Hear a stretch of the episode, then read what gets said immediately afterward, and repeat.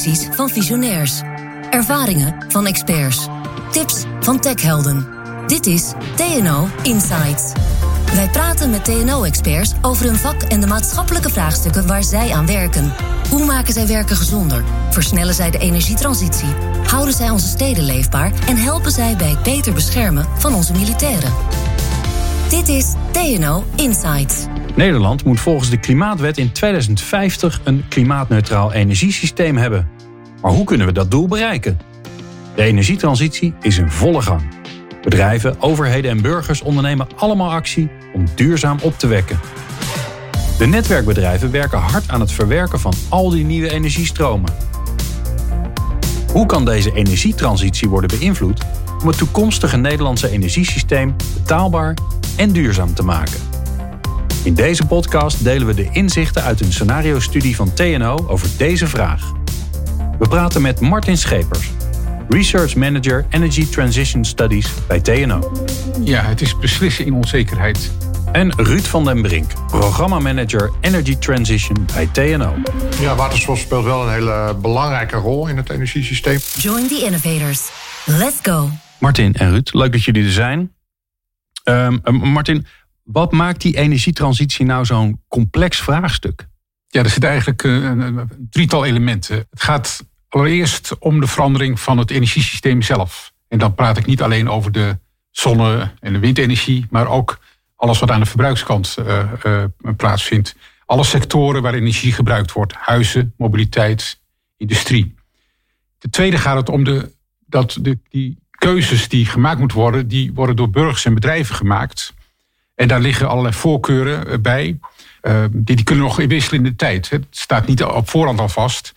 En uh, ik zeg altijd, het is niet alleen een technisch vraagstuk of een technisch-economisch vraagstuk. Het, het, het, keuzegedrag van die burgers en bedrijven spelen ook een rol. En het derde is dat we praten over een energietransitie als een heel langdurig proces.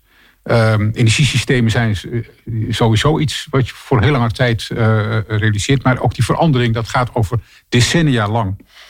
Um, en in die periode kunnen ook in de omstandigheden nog weer vooral alles veranderen. De maatschappij is niet uh, constant. Um, hoewel mensen soms het idee hebben dat dat heel plezierig zal zijn. Hè, uh, is de, leert de praktijk dat dat niet het geval is. En we kunnen terugkijken en we zien ook dat um, omstandigheden voor het energiesysteem ook zijn gewijzigd uh, in zo'n periode. Dus dat maakt het lastig om um, iets te zeggen over die toekomst van het energiesysteem. En ook het uh, realiseren van het energiesysteem is lastig. Ja, het klinkt alsof uh, iets wat, wat continu in beweging is, wat continu verandert. Nu, maar zeker ook in de toekomst. En waar je wel lange termijn beslissingen over moet nemen. Dat ja. is een combinatie die bijna niet te doen is. Ja, het is beslissen in onzekerheid. Dus je moet oh, keuzes ja. maken over een situatie die je eigenlijk ehm, niet, nog niet goed kent. Dus daar ben je onzeker over. En dat, maar, dat is lastig. Ja. ja, want die beslissingen zijn voor 20, 30, misschien nog wel meer jaar. Ga je, ga je kabels in de grond leggen, dat doe je niet voor, uh, voor drie jaar. Bijvoorbeeld. Nee, met name die, die, die netinfrastructuur die ligt er voor een hele lange tijd. Ja. Inderdaad, nog, nog wel langer dan 30 jaar. Maar ook uh, windturbineprojecten, uh, uh, industriële processen die, die we straks niet met aardgas verwarmen, maar misschien elektrisch verwarmen. Die moeten nieuw gebouwd worden. Nou, dat soort complexe installaties die staan er voor hele lange tijd. Ja. Nou, dat klinkt complex. Gelukkig gaan we er in deze podcast aandacht aan besteden hoe, hoe je daarmee om zou kunnen gaan. Um, Ruud, de vraag naar een scenario-studie, die komt ergens vandaan. Want jullie hebben die studie gedaan, maar waar is, waar is dat begonnen ooit? We zijn vorig jaar begonnen met deze studie. In 2019 dus. En 2019 was een heel belangrijk jaar voor het uh, klimaatbeleid in, uh, in Nederland. Ten eerste werd het klimaatakkoord gesloten. Uh, die bevat doelen voor 2030. En ook de manieren hoe die gehaald gaan worden. maar ook de klimaatwet. Die keek naar 2050. Om te kijken hoe Nederland de Parijsdoelen gaat halen. Om echt tot, tot het beperken van klimaatverandering te komen. En dat gaat over een hele grote reductie van de CO2. Uh, meer dan 95 procent. Nou, en toen ontstond de vraag: uh, ja, kunnen we dat halen? Hoe gaan we dat halen? En wat betekent dat voor de kosten? Nou ja, dat zijn wij gaan onderzoeken. En we doen dat onderzoek in opdracht van het ministerie van Economische Zaken. En klimaat. En die kloppen dus bij jullie aan. Die zeggen, eh, wij, wij staan voor die uitdaging, help ons daarmee, want we moeten Ja. in de toekomst gaan kijken. Ja, wij moeten, zoals Martin al zei, wij moeten de komende tijd eh, heel veel beslissingen gaan nemen. eh, die lange termijn doorspelen. En ehm, eh, daar hebben we, hebben we kennis voor nodig.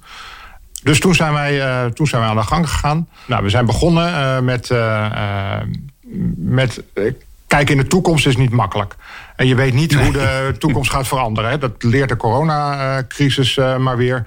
Er kunnen altijd dingen gebeuren. Er gebeuren altijd dingen die je niet ziet aankomen. Eh, maar toch is het belangrijk bij dit soort vragen om wel eh, een poging te doen. Dus we hebben maatschappelijke toekomstbeelden opgesteld. Dus dat betekent niet helemaal ingevuld van zo ziet de energievoorziening eruit, maar zo zou de maatschappij kunnen zijn in 2050. Dan hebben we er twee die voldoende verschillend zijn gekozen. Nou, daarna ehm, hebben we eh, een, een groot rekenmodel gebruikt wat we hier hebben. eh, waarin eh, het hele Nederlandse energiesysteem zit. In verbinding met het buitenland uiteraard. Ehm, dus daar zit energievraag in. eh, er zit energievoorziening in. Dus eh, elektriciteitscentrales, zonneweiden, windparken enzovoort. En eh, de verbinding daartussen. Ehm, en eh, daarmee zijn we gaan rekenen. eh, hoe kan je de vraag van energie voorzien... en de klimaatdoelen, een 95% reductie voor 2050 halen... en 49% in 2040, 2030. Hoe ziet het er dan uit? Eh, hoe ziet het energiesysteem eruit? Eh, en eh, het model rekent een soort kostenoptimum uit. Dus de laag, tegen de laagste kosten, want we willen het ook betaalbaar houden... de, de energievraag van energie voorzien. Dat is wat we uitgerekend hebben. Ehm, Maar ik, wat ik voor me zie is dan een enorme hoeveelheid factoren. Ja, Klopt dat, Martin? Eh, ja, dat, dat, dat is een eh, ontzettend eh, groot aantal factoren. Om maar te noemen het aantal technische opties die we meenemen. Dat zijn er Ja. meer dan 600. Daarnaast zijn er nog een aantal andere zaken die we in het model stoppen. Ehm, de belangrijkste, de energievraag. De energievraag die we in de toekomst mo- moeten, moeten dekken. En ehm, dat is dus de vraag naar elektriciteit, de vraag naar warmte. Maar bijvoorbeeld ook de mobiliteitsvraag. We hebben twee scenario's waarbij die energievraag ook verschilt van elkaar. En eh, we maken in dat model ook nog onderscheid eh, eh, in geografisch onderscheid. Dus naar regio's. Want sommige bronnen zijn regionaal beschikbaar, maar niet voor het hele land. Denk even aan geothermie bijvoorbeeld. Ehm, en we maken ook onderscheid in tijd. Want de vraag en het aanbod is niet constant in de tijd. Dus eh, we hebben daar patro- aanbodpatronen en vraagpatronen voor. En dat stoppen we allemaal in het model. Ja. Je noemde al even, Ruud, eh, twee scenario's. Eigenlijk twee scenario's aan de maatschappelijke kant, hè? Aan die vraagkant, om het maar even zo te zeggen. Welke scenario's zijn dat? Welke twee zijn jullie toegekomen? Ja, we hebben een, het, het scenario eh, eh, dat we Adapt noemen. Ehm, en het andere scenario heet Transform. En wat Ruud al zei, onderscheiden die twee scenario's zich vanuit die maatschappelijke context. Dus eh, de maatschappij maakt andere keuzes in die twee scenario's. In het Adapt-scenario ja, hecht de maatschappij eigenlijk eh, aan het in stand houden van, van de huidige verworvenheden. Dus daar, daar, daar willen we zo lang mogelijk aan, aan vasthouden maar gelijktijdig toch die doelstellingen wel, wel bereiken. In het transform scenario is er een motivatie om eh, eh, te verduurzamen en eigenlijk het huidige systeem sneller los te laten en eh, eh, ehm, invulling te geven. En dat gaat niet alleen over de keuze van dat energiesysteem, maar ook maatschappelijk hoe ga je eigenlijk om met ehm, bijvoorbeeld eh, de mobiliteit. Hè, of hoe ga je om met, met, eh, met, met voedsel. Dus eh, dat is, een, dat is in een bredere context. En we hebben gekeken als, als zo'n maatschappij zich dan voordoet. Wat betekent dat dan voor dat energiesysteem? En dat komt dan eigenlijk op neer. Wat betekent dat dan voor de energievraag? Maar ook over de keuzes van bepaalde ehm, eh, technologieën. Met Ja. name het energieaanbod. En, en Ruud, waarom die twee scenario's? Hè? Dus de ene is, nou, alles blijft redelijk bij hetzelfde, maar we passen ons een beetje aan. De andere is, we gaan echt andere dingen doen. Ja, omdat we die allebei die, ehm, eh, die bewegingen eh, zagen we wel in, in, de afgelopen jaren. Eh, bijvoorbeeld een voorbeeld van, van vorig jaar. Eh, je had eh, de, de, de klimaatstakers eh, die stonden op het Malieveld te protesteren voor een, een, een strenger klimaatbeleid. Dus veel verandering. Aan de andere kant stond het Malieveld ook vol met boeren en bouwers die juist ehm, ehm, een aantal dingen wilden behouden. eh, die hun, hun sector wilden, wilden behouden. Bijvoorbeeld bij het klimaatakkoord is er veel afgesproken, maar ook kritiek was er dat de huidige partijen aan tafel zaten en dat die eigenlijk niet zoveel wilden veranderen. Dus daaruit hebben we die twee toekomstbeelden ehm, afgeleid. Ehm, en het grote verschil is de motivatie van de Nederlanders. En de Nederlanders zijn dan de, burgers, maar ook de bedrijven. In de ene geval willen ze vooral alles bij hetzelfde houden.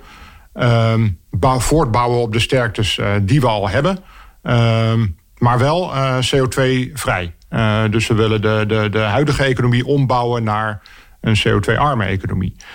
Ehm, en um, in een andere scenario, in het transform scenario, uh, daar uh, ja, zijn we meer bereid tot veranderen, tot gedragsverandering, tot dingen minder doen, bijvoorbeeld minder vliegen, minder vlees eten. maar ook juist dingen meer doen, dus bijvoorbeeld meer innoveren, meer investeren in hele nieuwe technologie, duurzame technologie door bedrijven. Um, en daar komt ook de, de, de driver vooral uit, uit de maatschappij. in het adapt-scenario, daar komt de driver om CO2 te reduceren komt wat meer van de, uit verplichtingen, door de, opgelegd door de overheid. De overheid die, die regelt het wel voor ons. Wij gaan door met wat we aan het doen zijn. We volgen de overheid. De overheid is sturend eigenlijk erin. Ja, en in, de, in het andere scenario dus zijn de burgers meer. Eh, de burgers en de bedrijven zelf meer, uh, meer sturend. Ja. En van allebei zijn er aanwijzingen dat het die kant op zou kunnen gaan. En ze zullen ongetwijfeld allebei niet precies uitkomen. Het zal er ergens tussenin zitten, of misschien nog wat heel anders. Um, maar uh, het zijn wel twee uh, plausibele toekomstbeelden in ons, uh, onze beleving. Ja, twee scenario's, adapt en transform. Heb je nou een voorkeur, Ruud? Welke van de twee moet het worden? Waar hoop je op? Nee, zo, zo kijken we er niet naar. wij hebben ze echt gebruikt als mogelijke toekomstbeelden. Ehm, en daar hebben we de energievoorziening voor uitgerekend. ze, ze zouden allebei evenveel kans om waarheid te worden. Maar wij hebben geen voorkeur. Uh, waar ik zo heel, heel erg geïnteresseerd naar ben, is wat betekent dan, dat dan vervolgens? Hè? Want het is natuurlijk voor ons ook een richtsnoer om te kijken ja. Ja, welke keuzes moeten we daar maken. En dat hoor je zo. Innovations for Tomorrow. Let's go. Martin Schepers en Ruud van den Brink in de studio hier in uh, Amsterdam. Uh, bij TNO, want uh, daar zitten we op dit moment. Nou ben ik burger. twee scenario's, adapt en transform. Wat rolt er dan uit die scenario's en die modellen van jullie? Um, wat, wat heel duidelijk is uit die twee scenario's, is dat uh, voor het wonen, je woning, dat uh, het uh, isoleren van die woning, dat het gewoon heel belangrijk is. Dus minder energie gebruiken voor verwarming. Ehm, en ehm, daarna is er een keuze tussen hoe wordt die, die woning verwarmd. En daar ben je wel afhankelijk van uh, wat een gemeente voor plannen maakt, wat, wat, wat, wat energiebedrijven gaan aanbieden. En dat kan, kan verschillend zijn, hè, of je in een grotere stad woont of in, in, in een kleinere plaats woont, uh, wat de mogelijkheden daarvoor zijn. er ehm, komt niet één vervanging voor de cv die nu bijna bij iedereen thuis hangt. Nee, dat, de, de, ik hoor soms zelfs dat mensen dat heel plezierig vinden. Hè. Doet u gewoon maar een ander apparaat die hetzelfde doet. Ja. Uh, en niet voor iedereen hetzelfde, maar dat komt er niet uit. We zien dat in wat we dan een gebouwde omgeving noemen. Hè, waar al die woningen en, en ook scholen en zo staan in die wijken. Dat daar een, um, een andere energievoorziening komt. We, in Nederland gebruiken we merendeel allemaal aardgas. Er zijn wel wat warmtenetten. Maar wat wij zien is dat die rol van die warmtenetten veel groter wordt. Um, en uh, dat daarnaast uh, het uh, verwarmen met elektriciteit, met name met warmtepompen, dat dat een belangrijke optie wordt. Oké. Okay. Word je nou nog verbaasd door dat model? En want zoals ik het zie, jullie maken twee scenario's. We maken een heel mooi model met allemaal allerlei variabelen erin. Dan druk je op een knop, dan stop je zo'n scenario erin en dan komt er iets uit. Want die gaat rekenen. En dan kan ik me ook voorstellen dat je denkt, huh, komt, ja, dat, dat, dat soort verbazingen, eh, die, die waren het bij ons ook. Um, bijvoorbeeld, eh, er wordt veel gesproken over de rol van waterstof. En er wordt ook uh, um, nagedacht over, zou waterstof niet een vervanger kunnen zijn van aardgas? En dan kunnen we die aardgasleidingen kunnen we gebruiken. En dan hoef je thuis eigenlijk alleen maar een andere cv-ketel neer te hangen. En die, die, kan dan ook met, met, met gas, en dan is het dan een CO2-vrij gas, kun je je huis verwarmen. Nou, waterstof blijkt dan toch een dure optie te zijn voor die toepassing. Dus de, het gebruik van waterstof voor het verwarmen van woningen, dat is maar heel beperkt, zien we dat. Waterstof is wel een belangrijke nieuwe brandstof, maar dan vooral voor de industrie en voor het vrachtverkeer. Ja. Wat, komt er nog meer uit? Hè? Want nou, verwarming van huizen hebben we het al even over gehad. Ja, we gebruiken overal energie voor. Uh, waterstof dus niet naar de huizen, maar waar, waar waterstof dan wel? Speelt waterstof wel een rol? Ja, waterstof speelt wel een hele belangrijke rol in het energiesysteem. Aan de ene kant als, uh, uh, bij, bij het gebruik als CO2-vrije brandstof, bijvoorbeeld in het vrachtverkeer, wat moeilijker elektrisch te vervoeren is, grote zware vracht, en in de industrie. Um, uh, en het speelt ook een heel belangrijke rol uh, in, het, uh, in het hele energiesysteem. Want ja, er komt heel veel van de energie zal komen uit zon en wind. en nou, het waait niet altijd, de zon schijnt niet altijd. Uh, dus het is belangrijk dat je uh, veel uh, mogelijkheden hebt om de vraag flexibel te maken. Dus om dingen aan en uit te zetten. En waterstofproductie leent zich daar heel goed voor. Dus als je veel waterstofproductie uit elektriciteit hebt, ehm, ja, dan kan je ehm, dat is een hele goede manier om ook meer zon en wind in het energiesysteem te krijgen. Ja, dus het, is ook, het kan ook een rol spelen in het opvangen van de pieken en de dalen. Nou is een van de uitdagingen volgens mij in Nederland ook dat wij uh, nogal een transportland zijn. We hebben een hele grote luchthaven voor zo'n relatief klein land. En we hebben een hele grote haven in, voor zo'n relatief klein land. Zit dat ook in jullie modellen verstopt? gestopt, moet ik eigenlijk zeggen. Uh, Martin. Ja, dat, dat, we hebben uh, rekening gehouden met de energievraag voor het internationale luchtvaart en scheepvaart. Um, uh, dan moeten we wel even realiseren dat in de nationale doelstelling voor het reduceren van broeikasgasreductie die sectoren er buiten vallen. Dus we hebben een extra doelstelling voor die ehm, eh, die sector meegenomen. In het ADEP-scenario is dat 50% eh, reductiedoelstelling en in het transform-scenario 95%. Dus dat, in het transform-scenario is dat hetzelfde doelstelling als voor, voor Nederland. Um, en de, de reden om, om die sector mee te nemen is dat een deel van die brandstoffen die worden in Nederland gemaakt. En bij het maken van die brandstoffen komen wel emissies vrij. Dus die moeten wel gereduceerd worden. Dus, dus dat is de kerosine bijvoorbeeld die, eh, die de vliegtuigen ingaat... die allemaal heel uh, all over de alle raffinaderijen. En ook als we het uh, met, met biomassa maken... Wat, wat uit het model komt, is dat biomassa daar een belangrijke rol spelen. Als we daar biobrandstoffen van willen maken... Ja, dan zijn die emissies die daarbij vrijkomen, die, die tellen mee... Gelukkig is het zo dat bij biomassa die emissies uh, rekenkundig niet mee worden uh, niet geteld hoeven worden. Ja.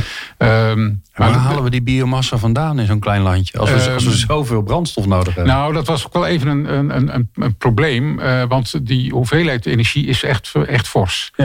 En uiteindelijk hebben we ervoor gekozen. dat nou, Nederland is een, is een land wat inter, internationaal veel handelsverkeer heeft.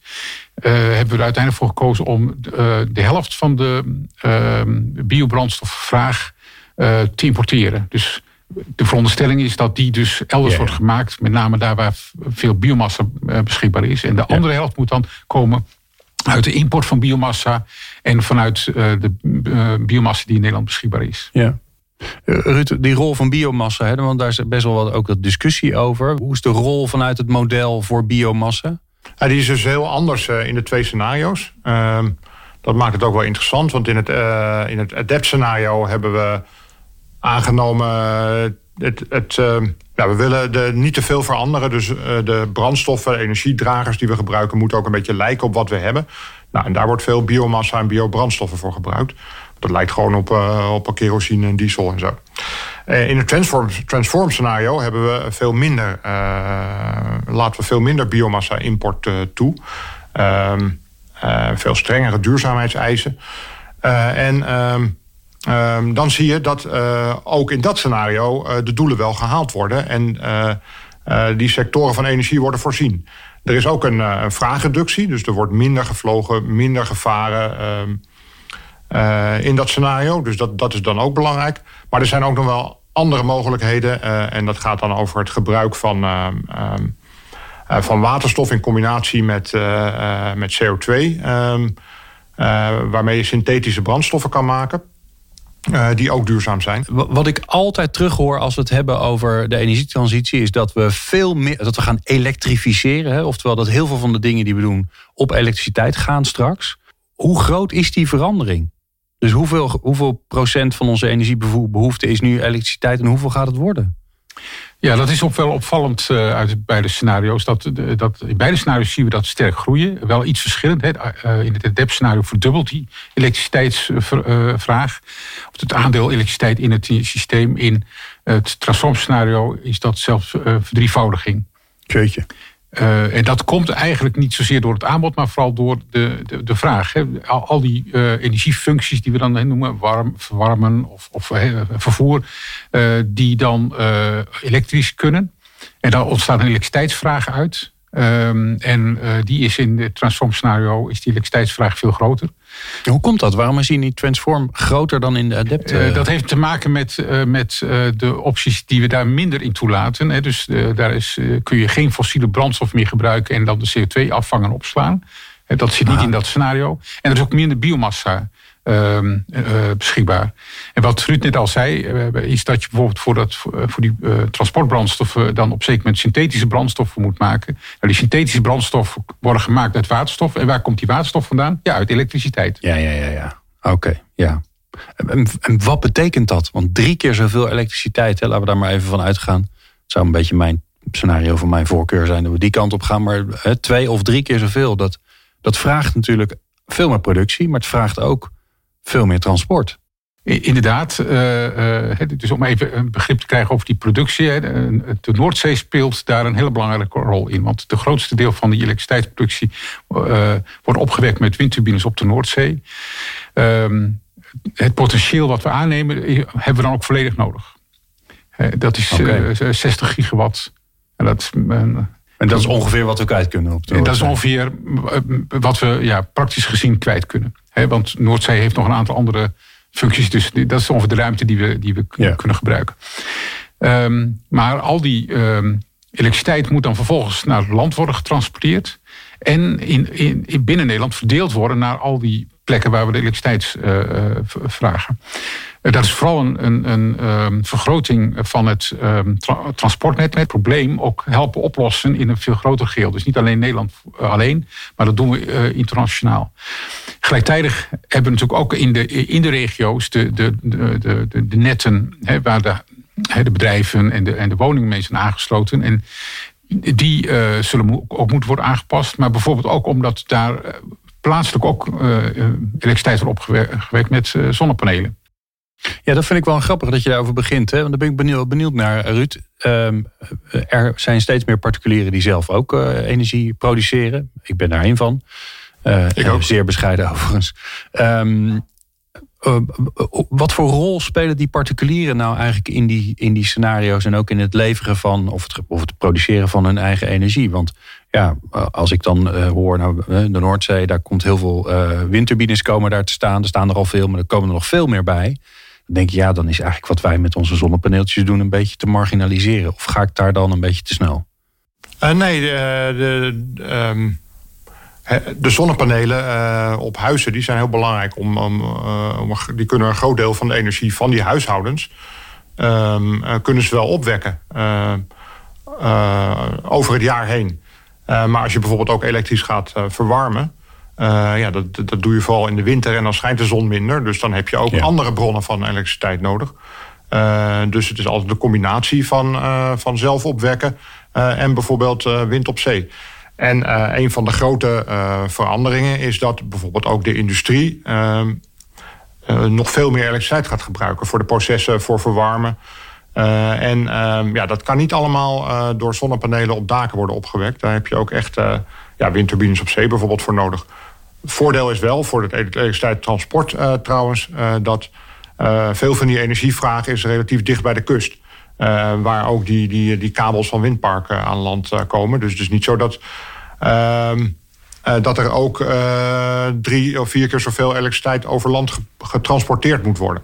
Ja, ja, dus we hoeven niet de hele het halve land open te halen... omdat er weer nog, nog veel dikkere kabels de grond in moeten. Of nou, er, er, zullen zeker dikkere kabels de grond in moeten. maar als we zorgen dat veel van de, van de elektriciteit ook gebruikt wordt waar het, waar het geproduceerd wordt. Ehm, dat geldt in huis, maar dat geldt dus ook waar die kabels van, van zee aan land komen. Dan kan je dat wel beperken. Ja. Ik heb het idee dat we nog een laatste rondje met jullie moeten doen. Want jullie weten precies wat er allemaal voor spannende dingen uit zijn gekomen. Martin, wat, welke, welk resultaat wil jij nog delen wat er uit die scenario-studie is gekomen? Waarvan je zegt van ja, dat viel me echt ongelooflijk op. Nou, wat we het nog niet zo over hebben gehad, ooit zijn over de kosten van het energiesysteem. En ehm, uh, juist in zo'n model waar je dus uh, met kosten uh, optimaliseert, op zoek naar de, naar de minste kosten, is het natuurlijk interessant om te kijken van Ehm, eh, hoe eh, zijn die kosten nu in relatie tot eh, een systeem waar je geen doelstelling hoeft te halen? Dus die, ja. die, die ehm, exercitie hebben we ook gedaan. We hebben gezegd, nou, we nemen het ADEP-scenario en dan gaan we geen doelstelling um, daarop loslaten. Maar dan hebben we ons wel gerealiseerd, dan blijven er fossiele brandstoffen gebruikt worden. Nou, in de beide scenario's. Ja, dus geen CO2-reductie tot geen CO2-reductie, nee. Althans, niet een opgelegde CO2-reductie. Um, we hebben toen gerealiseerd dat fossiele brandstoffen worden gebruikt. Um, in de transformende dep scenario nemen die af. En vandaar hebben we aangenomen dat dus in die, de, de prijs voor fossiele brandstoffen niet stijgen. Maar in de dep scenario zonder doelstelling. Um, op zo'n termijn moet je toch wel rekening houden met schaarste voor, uh, van uh, uh, fossiele brandstoffen. Dus daar hebben we een stijgende energieprijzen aangenomen. Um, opvallend dan is dat um, er toch CO2-reductie plaatsvindt. Het is namelijk zo Door dat. marktwerking. Ja, er zijn uh, duurzame um, uh, opties die kunnen concurreren tegen fossiele opties bij hogere uh, fossiele prijzen. Daardoor dalen de CO2-emissies toch tot, tot 60%. Dus dat is een autonome hm. ontwikkeling. Um, maar dan is er toch nog zoveel fossiele brandstoffen in het systeem eh, tegen hogere prijzen. En dat, dat moet allemaal ingekocht worden. Waardoor het systeem zonder doelstelling dan toch duurder uit is dan een, een, een scenario met een doelstelling. Oh. En dat komt. Maar dat is bijzonder. Dat is, een mooi, dat is een mooi verhaal. Ja, dus eigenlijk zeggen we nou, om het even voorzichtig te zeggen, een duurzaam energiesysteem hoeft niet duurder te zijn dan, het, dan een systeem zonder Ehm, eh, doelstelling. Ruud, heb jij nog een bijzonder resultaat uit de scenario-studie die je wilt delen? Ja, ik vond, ik vond een interessante, die zag je in het, DEP-scenario, uh, waarin CO2 wordt opgeslagen. daar wordt behoorlijk veel CO2 opgeslagen in, in oude gasvelden in de Noordzee. Ehm, en dat gebeurt veel bij processen van, uh, van biobrandstoffenproductie. Dat betekent dus dat die CO2 is al enig, enigszins CO2-neutraal, omdat die afkomstig is van biomassa. En dan ga je hem ook nog een keer opslaan. En dan kom je tot negatieve emissies. Dus, ehm, ehm, en ja, dat is heel nuttig in zo'n in zo'n energiesysteem, omdat je dan bepaalde sectoren die moeilijk te ontkolen zijn, zoals bijvoorbeeld, uh, of te moeilijk te CO2 te reduceren zijn, zoals in de landbouw. Um, ja, dat je daar dan wel wat emissies kan toestaan, maar dat je een manier hebt om die te compenseren door negatieve emissies. Ja. Uh, wat ik zo heel graag van jullie wil weten, en daarmee slapen, sluiten we dan ook gelijk af, is ja, wat moet er dan nu gebeuren? Dus wat, wat moeten we met die scenario's gaan doen? Wie moet, er, wie moet er in beweging gaan komen? Dat hoor je zo. Join the innovators of tomorrow, today. Martin Schepers en Ruud van den Brink van TNO zitten aan tafel. Ja, heren, ehm, een prachtige scenario-studie studie gedaan. Dat is natuurlijk helemaal een fantastische scenario-studie als er iemand iets mee gaat doen. Dus de grote vraag is nu, Ruud, wie is er aan zet? Wie ja, moet er eigenlijk, eigenlijk, doen? eigenlijk is iedereen uh, aan zet. Uh, iedereen uh, moet wat doen. Maar in eerste instantie de partijen die dat klimaatakkoord hebben, hebben gesloten. want dat zijn de partijen die, die of het beleid maken, zoals de overheid waar we deze studie voor gedaan hebben. Maar ook de partijen die de investeringen moeten doen in windparken, in zonneparken, in nieuwe industriële processen enzovoort. Maar uiteindelijk zijn dat dus ook wel de burgers die bijvoorbeeld ja, moeten nadenken over wat voor, wat voor auto ga ik nou kopen. Ga ik een uh, elektrische auto kopen bijvoorbeeld? Wat zouden jullie de, de overheid adviseren op basis... Uh, en dan kan ik me voorstellen dat jullie daar normaal wat meer pagina's over volschrijven. Maar even, het belangrijkste advies aan de overheid vanuit jullie scenario-studie? Nou, eentje, één belangrijk advies is... Uh, Ehm, echt iets wat, wat uit onze studie komt, is dat er heel veel verschillende opties nodig zijn om, uh, om die doelen te halen. Dat er heel veel verschillende dingen een rol bij spelen. En het is dus belangrijk om te zorgen dat die opties ook uh, gerealiseerd worden en dat die uh, van de grond komen. Dat betekent dus um, technologieontwikkeling, um, zorg dat die innovaties ook echt plaatsvinden. maar zorg ook dat de, dat de maatschappelijke processen rond die uh, energietechnologie, dat die goed georganiseerd zijn. Dus bijvoorbeeld de inspraak bij zonneweiders. Uh, om te zorgen dat, er, uh, dat de burgers echt betrokken zijn bij, bij, bij aardgasvrije wijken. Um, dat zijn hele belangrijke dingen om te zorgen dat al die opties mogelijk blijven. want dan kan je echt die energietransitie goed ingaan als er echt wat te kiezen is. Zijn er nou ook dingen tegengekomen waarvan, je, waarvan het model eigenlijk zegt: dit is de meest kostenefficiënte optie? Waarvan je nu weet, ja, maar eigenlijk doen we daar of veel te weinig aan, of er is wetgeving die zegt dat mag eigenlijk helemaal niet. Dus dat er echt een barricade is die weggehaald moet worden? Nou, bijvoorbeeld de, uh, de warmtenetten, hè, en dan de, de levering van warmte vanuit de industrie.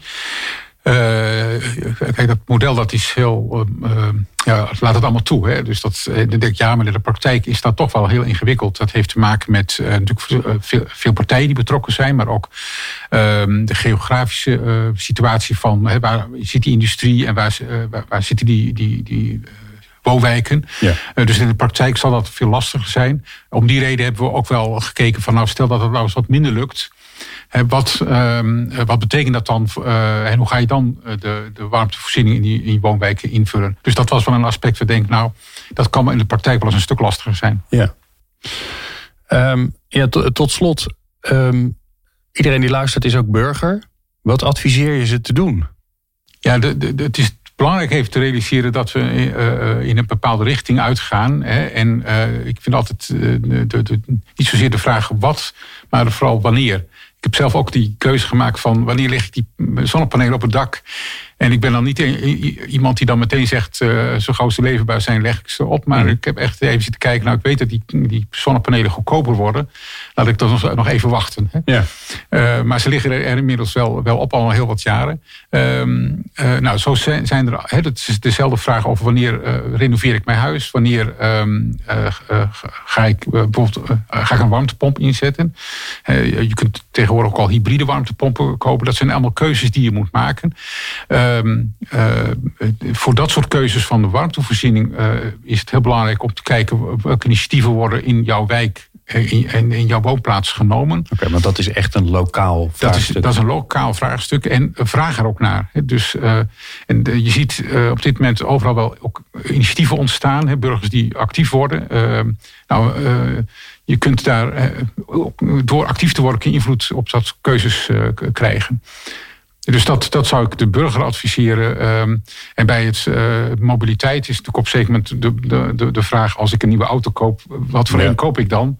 Uh, nou, dat, dat is ook weer zo'n timingskwestie. Ga ik nu al elektrisch rijden of wacht ik nog even? Um, nou, iedereen moet natuurlijk zelfs een beslissing nemen, maar het zal op, de, op een zeker moment echt wel een elektrische auto gaan worden. Ja. Ik zou in ieder geval geen diesel meer nemen. Daar zijn we ondertussen wel uit dat dat niet zo verstandig was. Um, Ruud, jij nog een, eh, een laatste tip voor, voor, mij als burger? Misschien is het ook nog goed om te zeggen dat het belangrijk is voor burgers om ook uh, echt uh, mee te praten en mee te doen. Want um, ook aan de, aan de aanbodkant, bijvoorbeeld zonneweiders, hè, zie je nu op verschillende plekken komen in Nederland. Ja, dat zal toch een belangrijke rol gaan spelen. Uh, en je ziet ook uh, heel veel initiatieven om die zonneweiders dan uh, heel mooi in te passen in het landschap. Waar ook burgers bij meedenken hoe je dat kan ontwerpen en omwonenden echt een rol spelen. en het is ook heel belangrijk dat, dat, dat nou, als burger ehm, zou ik daar ook zeker in, in mee gaan doen. Ja, en, en kies als burger voor het transform scenario dus ook een beetje. Wees actief. Laat, Wees, het, niet, laat het niet gewoon gebeuren. Nee, precies. Wees actief, laat het niet gebeuren. Uh, maar uh, ook in het adapt-scenario uh, zal, zal, er van alles veranderen. En zal er ook zonneweiders en zo komen. dus in allebei de gevallen is actief zijn verstandig. Ja, wat in ieder geval helder is, is dat wij allemaal, waar, wie je ook bent en welke pet je ook op hebt, zullen we te maken hebben met die energietransitie.